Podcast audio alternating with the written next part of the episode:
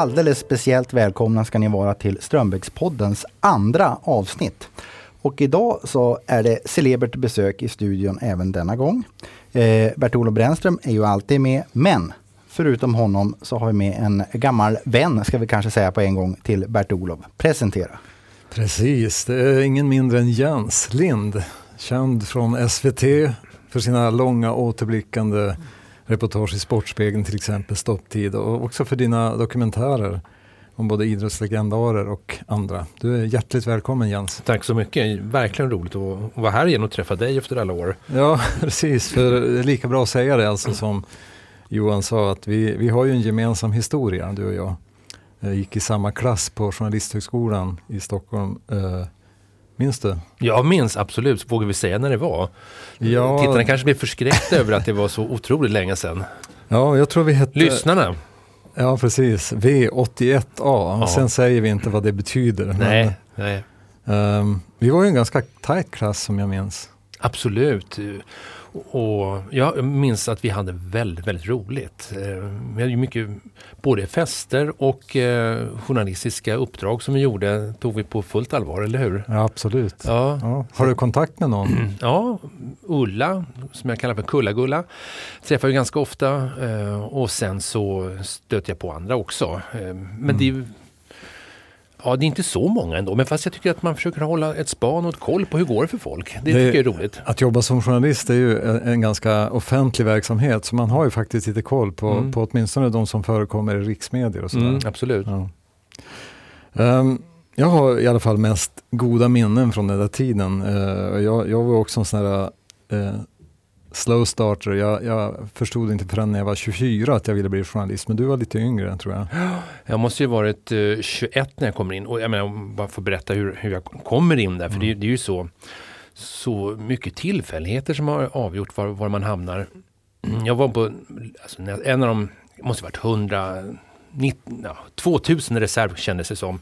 Jag hade ju inga, inga vidare betyg och, och så var det så att jag sökte in på, hade fått föreningsmeriter, det kunde man ihåg, en hel betygssteg och jag hade fått för att jag hade arrangerat fester på en golfklubb. Och det, så skulle det inte gå till. Men det skulle tas bort så jag förstod att jag skulle aldrig få en chans. Men så hade pappa köpt en telefonsvarare och vi var ju först i landet med den här telefonsvararen kändes det som. Ingen vågade säga någonting. Och pappa sa alltid, en dag så kan det komma ett viktigt samtal här ut med maskinen, tänkte jag och sa. Men så ringde de från JH och du, du gick ju först från början, jag kom mm. ju inte in. Och då var det två som hoppade av. Och då ja. började man ringa efter folk. Och det fanns ju inte mobiltelefon, inga mejl. Äh, men det fanns en telefonsvarare i Stockholm. Och då blev jag, sa de att det är från JH och om Jens ringer före klockan 17 så har han en plats på skolan, annars går platserna tomma. Och jag kom inte hem, men min pappa kom hem och sa att gossen kommer, ringde han upp och sa. Och sen låg det en lapp på köksbordet, minns jag. Eh, du är intagen på Journalisthögskolan, infinner 10.00 på måndag. Om du inte tror mig, lyssna på maskinen. Vilket jag också gjorde två på natten. Tänkte, vad i helvete? Ja, Han fick rätt. Men sen dök det upp då? Men sen dök jag upp och då hade ju ni hållit på en eller två veckor ja. där. Ja, men vilken tur för, för, för oss som fick uh, vara dina klasskamrater och för tittarna, ja, inte minst, uh, att du hamnade i den här branschen. Eh, men utan, eh, efter utbildning så mm. skildes våra vägar. Jag hamnade här uppe i norr i mina gamla hemtrakter i Västerbotten. Vad hände med dig? Eh, jag kommer ihåg att jag åkte till Australien ett halvår med ryggsäck och skrivmaskin faktiskt. För jag tänkte att, att det är klart man måste ju kunna posta hem lite reportage. Men så länge sedan var det. Och jag skrev väl lite grann för DN och någon, någon, något magasin. Men när jag kom hem sen så fick jag vick på DN Sporten. Och efter det så var jag på Stockholmstidningen ett tag, den sommaren när den lades ner. Mm. Jag jobbade med sport men jag tänkte faktiskt ändå att nej, men jag, jag, kanske inte var tillräckligt sportintresserad. Men jag såg samtidigt någonting i idrotten som var jättekul att berätta historier kring. Men jag skrev ju matchreferat och hade hand om vet, tabellerna. Mm. Det var ju, jag är inte så bra med siffror och försenade DN. Jag kommer ihåg det stod en en faktor, en ekonomiskt ansvarig bredvid mig. Jag var ju sista sidan som inte har gått iväg. Och jag skulle lägga in de här tabellerna, i, i, alltså strecken i tabellerna. Det är ju det som är hela idrottens nerv. Och det gäller ju att komma ihåg var någonstans de här strecken ska vara. Och jag blandade ihop det där och han stod och höll sig för hjärtat och sa skicka in de där strecken vad fan som helst. Nu kör vi igen. Därför att det kostade pengar varje minut ja, som gick. DN måste ut och ja. det kan ju inte försenas av en kille som inte vet var man ska lägga in strecken i tabellen. ja. Så var det. Men du blev inte kvar där så länge? Nej, jag var där några år eh, och, och sen så så var det någon som sa att ja, men TV-sporten eh, har en tjänst och söker någon som, ja de vill väl ha någon som kan berätta lite annorlunda. De hade ju Göran Zachrisson där och jag kände att och jag tror inte jag ämnade att göra matchreferat men jag tror att det fanns, som jag sa, massor inom idrotten som man kunde göra och uppmärksamma människor som inte är med i TV annars så mycket. Ja men, men jag kunde ingenting om TV men jag skrev det här brevet i alla fall. Jag skrev ett brev och fick komma på intervju. Mm. Och ni som är lite äldre kommer kanske ihåg Plex Pettersson som ju var först anställd på TV-sporten och Plex eh, kommenterar Stenmarks alla tävlingar. Och för mig att se en sån otroligt känd människa, det var ju, jag ville nästan gå fram och peta på honom. Så konstigt var det. Eh, och jag blev så nervös och intervjun gick så förbaskat dåligt. Jag ville bara gå därifrån. Men då, då sa han, men vänta lite Jens här. Du, eh, vem har uppmuntrat dig att skriva det här brevet? För att det var någonting där ändå. Och då sa jag, ja, det är Ville Engdahl som har gjort det. Och jag ska berätta vem Ville är. Men han viskar då till chefen bredvid, Kjell Andersson. Han säger så här ungefär. Ja, det är 5000 som har sökt det här jobbet och den här killen verkar ju ganska förvirrad. Men du, vi, vi litar på mig. Vi tar den här grabben. Och, och orsaken då till att han säger det är att Ville Engdahl råkar vara min morfar. Han var landslagsspelare i fotboll och journalist på Stockholms-Tidningen, författare. Och han var Plex idol. Och när Plex var ung och grön från Östersund i Stockholm så tog Ville hand om honom. Han fick bo hemma hos Ville som var den mest etablerade av journalister och det där glömde inte Plex. Mm. En god handling hade, hade han fått för 30-40 år sedan och tänkte han, Ville lever inte men jag ger tillbaka det till den här förvirrade killen. Och så ska det inte gå till men, men så gjorde det ändå. Och, och många år senare när jag gjorde en film om Plex som vann första pris i en internationell stor dokumentärfilmstävling i Milano så ringde jag hem till Plex. Jag stod under kristallkronorna och sa Plex du har vunnit här, folk från hela världen. Nej Jens, vi har vunnit och Förresten så, så var jag inte så dum den där gången när jag anställde det för så himla länge sedan. Men du ska veta att folk undrade verkligen. ja. Så att eh, det finns två skäl. Eh, telefonsvararen mm. Och din morfar. Ja, så är det. Så är det. det är tillfälligheter bara. Att, att du hamnar här. Ja. Inte kanske just här i radiostudion på Strömbäck men eh, Ändå. inom Sveriges ja, Television. Man får väl vara sannerligen lite ödmjuk inför, inför alla tillfälligheter som mm. livet bjuder på. Så då, då, då hamnade du på SVT? Ja, jag var jag fast anställd på TV-sporten och, ja. och ja, det gick väl sådär. Eh, jag, jag fick börja med att, att översätta Tom och Jerry liksom, och min röst var, ansågs vara lite problem. Eh, det kommer jag ihåg, det togs upp att en av de mest kända där sa att, hade som första punkt på mötet hur illa berörd han var att höra den här Tom och Jerry. Och, och, och jag tänkte, men herregud, hetsar man upp sig över att jag efter tre månader försökt göra Tom och Jerry, ja men då, då, då är det här en väl tuff arbetsplats. Men, men mm. det var inte det, utan TV-sporten var ju jätteschyssta. Men jag var ändå lite rastlös, så jag, jag sa upp mig efter, säg att jag började 87, så jag sa upp mig januari 90 åkte jag och min eh, sambo till Los Angeles och jag fick tjänstledigt ett år. Jag hade Pappa var ju pilot och hade tagit mig över världen och jag tänkte att någon gång i livet så skulle jag vilja bo utomlands och ingen kommer göra mig till korrespondent så jag får väl göra det själv.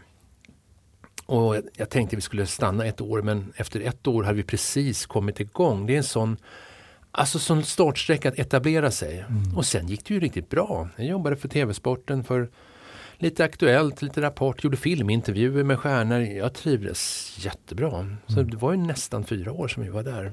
Och det mm. kan man väl säga avgjorde mitt liv utan att jag hade en aning om vad det skulle leda till att, att bli frilans. Ja. Så, men du, du var aldrig sportkommentator eller så? Nej, nej precis. Jag, jag, har kommenterat golf och det är väl den enda sport som jag verkligen har begripit mig på. Jag har verkligen försökt mm. bli bra golfspelare en gång i tiden. Så att det gjorde jag några gånger, jag hade livesändningar men annars har jag inte gjort det. Jag har inte kommenterat en fotbollsmatch eller något sånt utan jag håller på med övrigt kan man säga. Det har varit mitt ansvarsområde. Ja. An, övriga berättelser. Ja, och det är också så vi har lärt känna dig mm. då, eh, i alla fall mm. tittarna. Um, därför att du, du sticker ut i, i eh, Sportspegeln mm. och Sportnytt. Uh, och hur, hur, hur var det liksom det du verkligen ville göra? Liksom, hade du någon förebild? Göran Zachrisson som också kommenterade golf. Uh, har en del sagt att det låter som att Jans har inspirerats mm, av honom. men det, det, är absolut. När jag kom till TV-sporten så, så var ju Zacke där. Och han sa kom, kom med mig eh, och får du se hur jag gör när jag klipper och spelar in. Det var ju otroligt generöst gjort. Och vad han lärde mig det var ju dels att, att göra mycket research, ta reda på hur saker egentligen ligger till. Eh, men framförallt att sport är en fantastisk arena att berätta alla slags historier. Det finns ju egentligen inga regler för hur saker ska vara. Utan börja med slutet, gör, berätta om högt och lågt. Humor, det är ju fantastiskt. Gör man reportage om riksdagshuset så, så ser de annorlunda ut. Då går en, en politiker med en perm och, och svarar i telefon och det blir den sortens bilder. Men i sport finns ju alla slags bilder, alla slags historier och folk som är med är ju dessutom väldigt engagerade så då blir det ju bildmässigt också. Så, så där blev jag väldigt inspirerad av att just tanken att amen, man kan göra historier om vad som helst. Men var det självklart att du skulle få göra det? Eh, när jag tänker tillbaka på det så Ja, men jag tänker på sådana chefer som Kjell Andersson som var med och anställde mig där med, när han satt med Plex. Ja, men han sa våga eh, och jag fick ett förtroende tidigt att göra det. Men vad man ska komma ihåg också att på den tiden så var man verkligen tvungen att lämna TV-huset. Därför att sändningarna sändningarna idag är ju fulla innan dagen börjar därför att man vet ju att här kommer alla fotbollsmålen att finnas, eh, skidloppen och allting. Men då var man faktiskt tvungen att lämna huset, eh, filma en fotbollsmatch, prata med människor.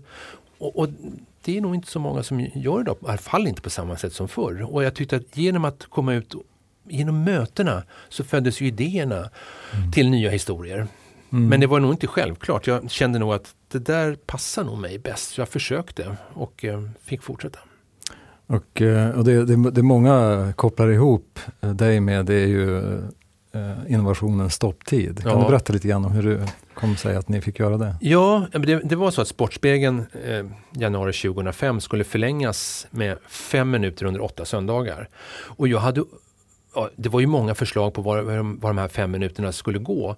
Men jag hade må under många år gått ner i filmarkivet och, och, lärt mig hur man laddar riktig film och ljudrullar och tittat på massor med gamla reportage som jag någon gång hade stoppat in i någon dokumentärfilm men som ju inte passar i en nyhetssändning. Det, det var ju en allmän etablerad sanning. Samtidigt så fanns det otroliga historier här så jag fortsatte att under alla år bejaka mitt intresse för de här gamla grejerna utan att veta vad jag skulle ha dem till. Sen kommer då den här stunden när eh, åtta söndagar ska fyllas med eh, någonting, fem minuter till. Och eh, jag fick möjlighet att eh, göra stopptid då med min gode vän Dennis, klipparen. Och vi fick fria händer att, att berätta. Det var ju säkert någon som frågade, men räcker filmarkivet till fyra historier? Och mm. vad ska folk säga med arkivbilder i en nyhetssändning? Det är liksom inte, det är ju på bekostnad av fotbollsmål kanske.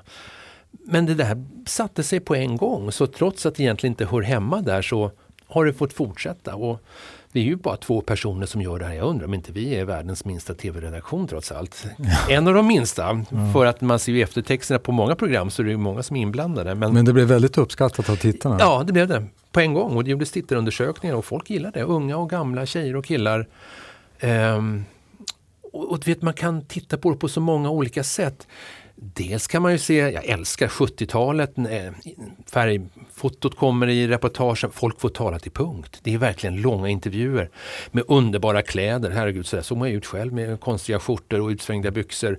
Det kan vara tapeterna, det kan handla om pengar. Mm. Det var ett förbjudet ämne inom sporten. Idag är det en självklarhet. Kvinnor, det, det är alla sorters berättelser kan rymmas i det här och jag vet ju att i skolorna idag använder stopptid ibland för att nu tittar vi på det här inslaget och så kan vi diskutera. Så här var det en gång i tiden. Tre, fyra minuter långa, det är lagom, kan man få igång en diskussion. Mm. Och jag har haft så roligt. Så det blev inte bara de här åtta förstås? Utan... Det blev inte de åtta, vi kanske har gjort 500. Jag ja. vet inte, jag har inte hållit koll, men det är ju 13 år mm. som vi har hållit på en gång i veckan nästan. Ja. Och sen så har det blivit halvtimmesprogram på somrarna som heter Stopptid Deluxe som har varit väldigt uppskattade och fått enormt bra tittarsiffror. Mm. Så jag, jag blev stannad på Konsum när jag gick och handlade och så var det någon som sa tack, tack för kulturgärningen och då blev jag så himla glad. Alltså, ja. Att, att eh, man gjorde någonting som, som, för jag känner ju ofta att om inte jag gör det här så kommer det här aldrig att visas. Finns det någon eh, favorit av de här 500? Ja men det var ju, vi har ju varit här hos er idag och, och visat eh, ett, ett klipp från Stopptid som handlar om eh, VM på skidor 1934. Där eh, ja, stafett hette på den tiden budkavle. Eh, mm. och det var liksom som en, ett rör som skulle lämnas över och man skulle ha runt halsen. Och hur denna Englund tror jag ska lämna över stafettpinnen till Arthur Häggblad just som bodde utanför Umeå. Och hur de trasslar till det här. Och det tar ju enormt lång tid innan de kommer iväg.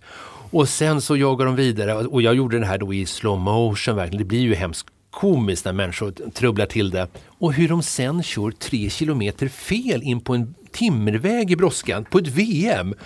Mm. Eh, och det har ju sådana absurda undertoner alltsammans det här. Så att det är en av de som jag gillar verkligen för vi bearbetar den mycket men också att det faktiskt har hänt. Sen är det många andra som jag verkligen Men hur hittar man en, en, en, sån historia i det stora arkivet? Ja, det stod, var ju inte uppmärkt på något sätt. Det stod bara Sollefteå VM 34. Jag tänkte jag hade ingen aning om att det varit ett VM i Sverige 34.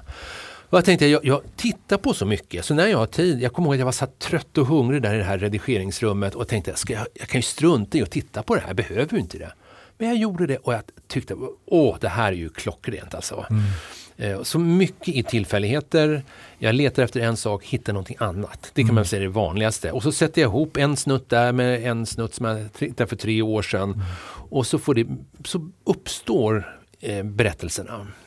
Jag upplever, och du har också berättat om det här tidigare idag när du höll ditt föredrag, att äh, det gäller att, att både vara äh, öppen, hjärtlig, öppen sin, mm. ha öppna sinnen, och, men också ge det tid. Mm. Mm. Och tid är ju en bristvara idag på många redaktioner. Mm. Att, vad, vad, tror du liksom kommer att hända med den här typen av material då, som du är duktig ja. leverantör av? Ja, jag är det är ju inte så jättemånga så, som tänker nu ska jag göra stopptid som Jens gör eller den, den, sortens program. För att de kanske inte har fått möjlighet att prova eller att det inte finns utrymme. Eh, jag tror väl inte, jag tycker inte det verkar som att eh, det är en helt ny våg precis som kommer efter, det kan jag inte säga. Men samtidigt så finns det ju då en massa, ja som sån här podcast. Ja där man ger saker tid, folk får prata till punkt, mm. Man gör jättelånga intervjuer och så, så att ja. det kanske finns uh, jo, men ett sug precis. efter jag på något tänkte, sätt ändå. Jag tänkte nog när du sa så, så tänkte jag, aha, du, du menar eh, på TV. Och jag är så herregud, jag är så gammaldags så jag tänker på tv som, som livesänd tv, men det är ju inte det. Och det, det, här kan ju, det kan ju faktiskt vara världens chans att berätta saker på, på nätet eller eh, i, i poddar, bara att jag har varit så broadcast-orienterad under alla år, men jag skulle tycka det var jättespännande att lära mig mer saker. Och, ja, publiken hittar ju det som de tycker är bra. Mm. Men du är ju som sagt väldigt uh, förknippad med SVT, även om mm. du inte är anställd, du Nej. är frilans. Men du gör också en massa andra saker än de här stopptid. Ja. Uh, långa reportage från olympiska spel och andra stora evenemang och timmeslånga dokumentärer mm. har vi mm. sett ganska många. Om till exempel idrottsprofiler mm. som Sixten Jernberg eller Plex som du nämnde. Guldgreta, ja. Sveriges första olympiska guldmedaljör, simhopperska. Jag ska säga, mycket av det här finns på SVT Play. Mm. Så att, uh, har en egen flik där. En egen liten hörna ja. som heter Jens Lind. Mm. Så där kan ni hitta ganska mycket eh, guldkorn då. Men eh, jag tänkte, är det någon någon särskild av de här längre reportagen och dokumentärerna som du är särskilt nöjd med? Ja, man hinner ju glömma så mycket men jag är nöjd med många av dem. Jag är, den här historien om Greta är jag nöjd med som sändes i våras. Eh, därför att det är en film på en timme om en totalt bortglömd kvinna som förekommer i rörlig bild tre sekunder och som det i Sverige fanns ett par stillbilder på bara. That's it. Eh, och att jag höll på i tre år och leta efter henne. Och, och, till slut så hittade jag väldigt avlägsna, eller hittade släktingar som inte var på så nära håll. Och som, som satt på det här, två underbara kvinnor. En 80-åriga Jan i San Francisco och Marianne i Enskede i Stockholm, 95 år. Och eh, man vet inte hur länge de är kvar. Och där fanns Gretas brev, fanns hennes barndomsalbum. Eh, och det är väl just det där när, när jag vet hur svåra förutsättningar är att göra en film och att man faktiskt kan få ihop det ändå. Och känna att ja, men det där, om inte jag hade gjort det där så hade det här aldrig berättats. Då kan jag känna mig nöjd. Men jag är ju jätteglad för många andra filmer också. Mm. Såklart. Men nu var det den senaste och det är kanske den som jag tänker på. För jag jobbar så länge med den. Ja, och, och, jag, alltså, titta gärna på den, mm. uppmanar jag er som lyssnare för att eh, det, det, är ju faktiskt lite fascinerande hur du lyckas få ihop en timme mm. om en person som du bara har några sekunders ja. rörlig bild på. Och nu ska jag åka till Milano på, på måndag. Den är nominerad där i en stor sportdokumentär filmfestival eh, till något fint pris. Så, så att, och tänk att, att det sitter folk från hela världen och kan tycka att ja, men det här är ju faktiskt en spännande historia. Mm. Det kan göra mig väldigt stolt. Mm. Och så minns vi ju, åtminstone jag, den här tvådelade mm. dokumentären mm. om allas vår älsklingskriminolog Leif ja. GW Persson. Mm. Uh, Leif GW Persson, Min klassresa heter den. Hur, hur fick du den idén? Ja, och jag fick inte alls den idén själv utan jag blev tillfrågad om jag hade lust att träffa GW. Um, ehm, jag hade aldrig tänkt tanken. Uh, och jag tänkte, why not? Det är klart jag käkar lunch med, med GW. Det, och jag läste hans bok, eh, Gustavs grabb, som, som tanken var att eh, de, de här programmen skulle baseras på. Jag tyckte den var jättebra och den påminner så mycket om min egen mammas uppväxt på Gärdet i Stockholm i en tid när barn var fria. Alltså det fanns inte en vuxen någonstans och var, barnen hade sin egen värld. Så, så, att eh, utöver att jag hade läst boken så kunde jag liksom förstå hans fascination för den här tiden väldigt mycket. Och efter ett tag så sa han, ja men om du vill så kör vi. Och Programmet blev ju annorlunda därför att jag utgick ifrån hans bok och ville att han skulle säga ungefär det som han säger i boken. När jag gör filmer annars är det jag själv som letar och ställer frågor. Så det här var ju mer, ja jag visste inte hur man skulle definiera en dokumentär. Jag, jag kände mig lite obekväm inför ordet därför att det, det var inte det var Leifs berättelse. Lite, ja, lite grann hans berättelse ja, skulle locka som fram. Jag, som jag hjälpte honom med mm. kan man säga. Och han är ju så charmig och kan ju berätta så fängslande. Eh, men det är ändå ett stort ansvar att få ett så stort eh, intervjumaterial i, i, sina händer. Och hur, av alla dessa timmar, hur presenterar vi det här på bästa sätt? Eh, jag tyckte att det var så enormt roligt att, att få göra den. Även fast det som sagt var på ett annorlunda sätt. Mm. Han, han är charmig, han, vi på något sätt uh, mm.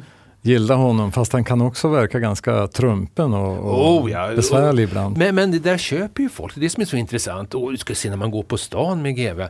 Det är 13-åriga tjejer till 95-åriga tanter som, som springer ikapp honom och kan jag få en autograf Leif och, och, och ställer upp på bild och en ung tjej där som ska vi ta en selfie Leif? Ja, gör vi det. Nej men titta på bilder. Du måste ju se glad ut, le nu! Och då, och, då smallar han upp sig och gör det för hennes skull. Mm. Eh, så, så, bakom de där trumporna så finns det någonting väldigt varmt också. Och det, mm. det var intressant att se honom som, som fenomen i Sverige. Ja, han är nog ganska unik. Ja, när man sitter och när han liksom har intervjuer i studion och han tittar bort åt andra hållet. Han pratar inte när han inte gillar det. Han, han pratar, men det är så fantastiskt kul och Sven Melander berättar ju så roligt hur, hur han uppfattar det här. Han är med i programmet och blir intervjuad. Just på Melanders otroligt komiska vis hur, hur han slås av av eh, AGVs lite ovanliga approach till, till media han är djupt imponerad också. Ja. Men annars är det ju mest eh, idrottsprofiler, eh, väldigt speciella sporthändelser eh, och berättelser som mm. du har del, delat med dig av oss. Mm. Eh, av, av, alla olympiska spel som du har besökt, vad har du för favoritögonblick? Ja men det är nog trots allt att eh, i, i OS i Peking så så hamnar jag på tyngdlyftning, den här finalen för de största, kraftigaste gossarna. Och det var en, ja, det var en lång resa att, jag, att det just blev den här dagen. Men jag vet att jag kom dit för att göra en historia om en lettisk borgmästare som var favorit och sen visade det sig att han var inte i form alls och jag undrar vad ska jag göra nu? Och då eh, ramlade jag över den här historien om Mattias Steiner vars fru hade gått bort bara ett kort tag innan OS och hur han hade samlat ihop sig och tack vare att han tänkte oavbrutet på henne och deras gemensamma satsning mot OS så kunde han resa sig ur, ur chock och förtvivlan och så, så sa han till alla att jag åker hit med Susanne här inne. Och han ställde upp och den här eh, tyske fotografen som tipsade mig om historien, han sa att han kommer inte ha en chans i den här tävlingen. Det finns ingen möjlighet. Men jag tyckte att jag blev så berörd över att Steiner hade hittat ett sätt att ändå gå vidare efter det värsta som har hänt hade inträffat. Och så börjar den här tävlingen som blir ju väldigt spännande när man håller på någon. Och så gör han sitt livs tävling. Inför sista lyftet så har han en silvermedalj men tar han 258 kilo då vinner han guld. Och hur han liksom beordrar fram det här trots att tränarna tycker att du inte är klok som gör det här. Det, är, det här är livsfarligt. Så säger han, jag är inte ensam och så tågar han ut och så klarar han 258 kilo, 10 kilo mer än vad han någonsin har lyft. Och den glädjen, de glädjeskriken och hur han springer mot tränarna och deras tjocka magar står ihop. och Det är ett ögonblick som, som man förstår att det här är någonting mer än bara en olympisk guldmedalj. Det här är, det här är det ofattbara har verkligen inträffat. Mm. Och eh, det kunde inte ha hänt om inte vore så att han var helt uppfylld av henne. Mm. Så där stod vi och grät allesammans. Ja, ja det, det är en otroligt gripande liten snutt där, berättelse. Uh, vi ska inte hålla på hur länge som helst, du ska med ett flyg. Om, det har gått fort det här. Ja, men jag tänkte så här, vad, vad, berätta om dig själv. Vad är det som driver dig i journalistiken?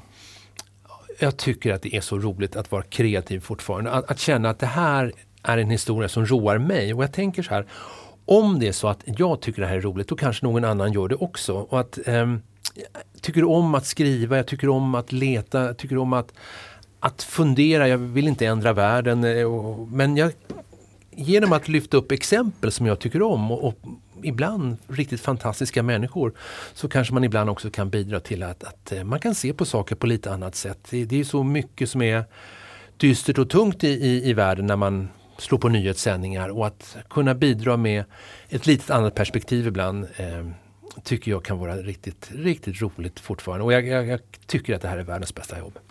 Mm, det håller jag med om. Mm. Men blev det som du hoppades på när du gick omkring där i JHs korridorer på Görvälsgatan i Jag Stockholm? hade ingen aning vart det här skulle ta vägen. Mm. Inte, och det här, alltså, TV fanns inte ens på kartan. Nej, jag hade ingen aning om stopptid eller några arkiv. Nej. Alltså jag, som jag sa till de här eleverna här idag, jag tror, vilka var mina drömmar? Jag tror innan jag började på JH tror jag hade varit nöjd om jag satte upp ett bildspel på någon, på, på någon, dag, på någon livsmedelsaffär för tomater och gurkor. Ungefär, jag var, hade liksom inte bars omkring på någon sån här wow, nu ska jag ut och erövra världen.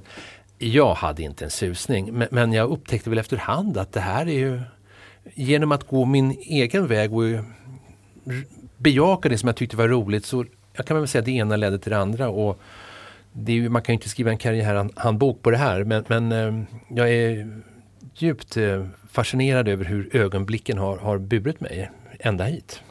Så då har jag eh, vad ska vi säga, utmejslat tre saker. Då. Det är telefonsvararen, ja. din morfar ja.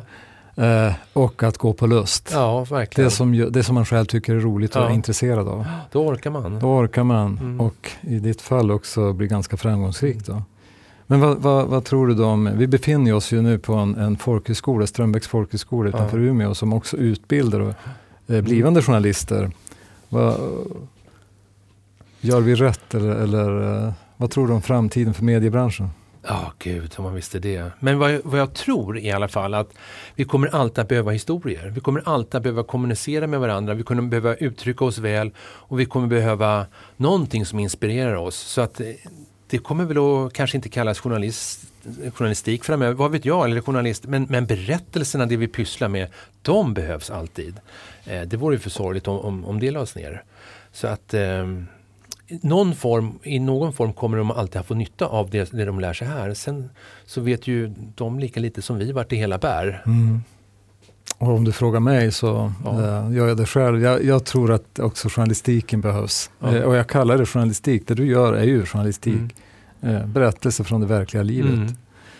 Mm. Um, men hur, hur blir det med dig då? Eh, kommer du att fortsätta gräva djupt i SVTs arkiv eller vad, vad, vad har du på? Jo, men det på? kommer jag göra. Det kommer jag göra. Jag, jag, kommer, jag hoppas att jag kommer att fortsätta eh, länge än och jag har flera program som jag kommer att göra, dokumentärfilmer som ju bara är, har precis påbörjat här. Och eh, stopptid kommer jag tro, hoppas jag kommer, kommer att finnas eh, i någon form för evigt, fast jag kanske inte håller på med det hela tiden.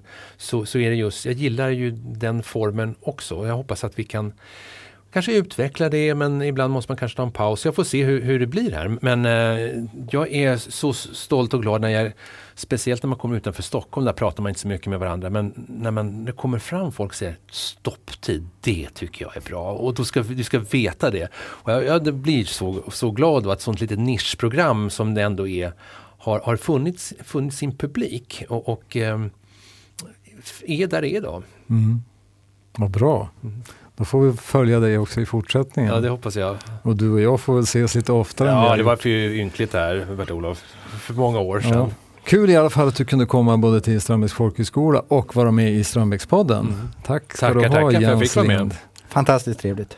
Ja. Vad vet vi om nästa avsnitt av Strömbäckspodden? Uh, kan, jag, kan vi utgå från att nästa gäst är en kvinna? Uh, nu satte du mig på... Nej, det är faktiskt en man. Han är, han är dessutom eh, eh, rakad på huvudet så att eh, han kan inte ens eh, förväxlas med en kvinna. Han heter Micke Grill Pettersson men är en otroligt intressant person. En journalist på Rapport som dessutom har vunnit eh, stora fina journalistpriser, Guldspader och annat. Eh, och eh, avslöjar sånt som vi aldrig annars hade fått veta. Honom kommer ni att få lyssna på om några veckor i nästa Strömbäckspodd. Det blir fantastiskt spännande. Eh, jag säger tack till Bert-Olof, jag säger tack till Jens Lind. Själv heter jag Johan Ågren och jag hoppas vi hörs igen om ett tag.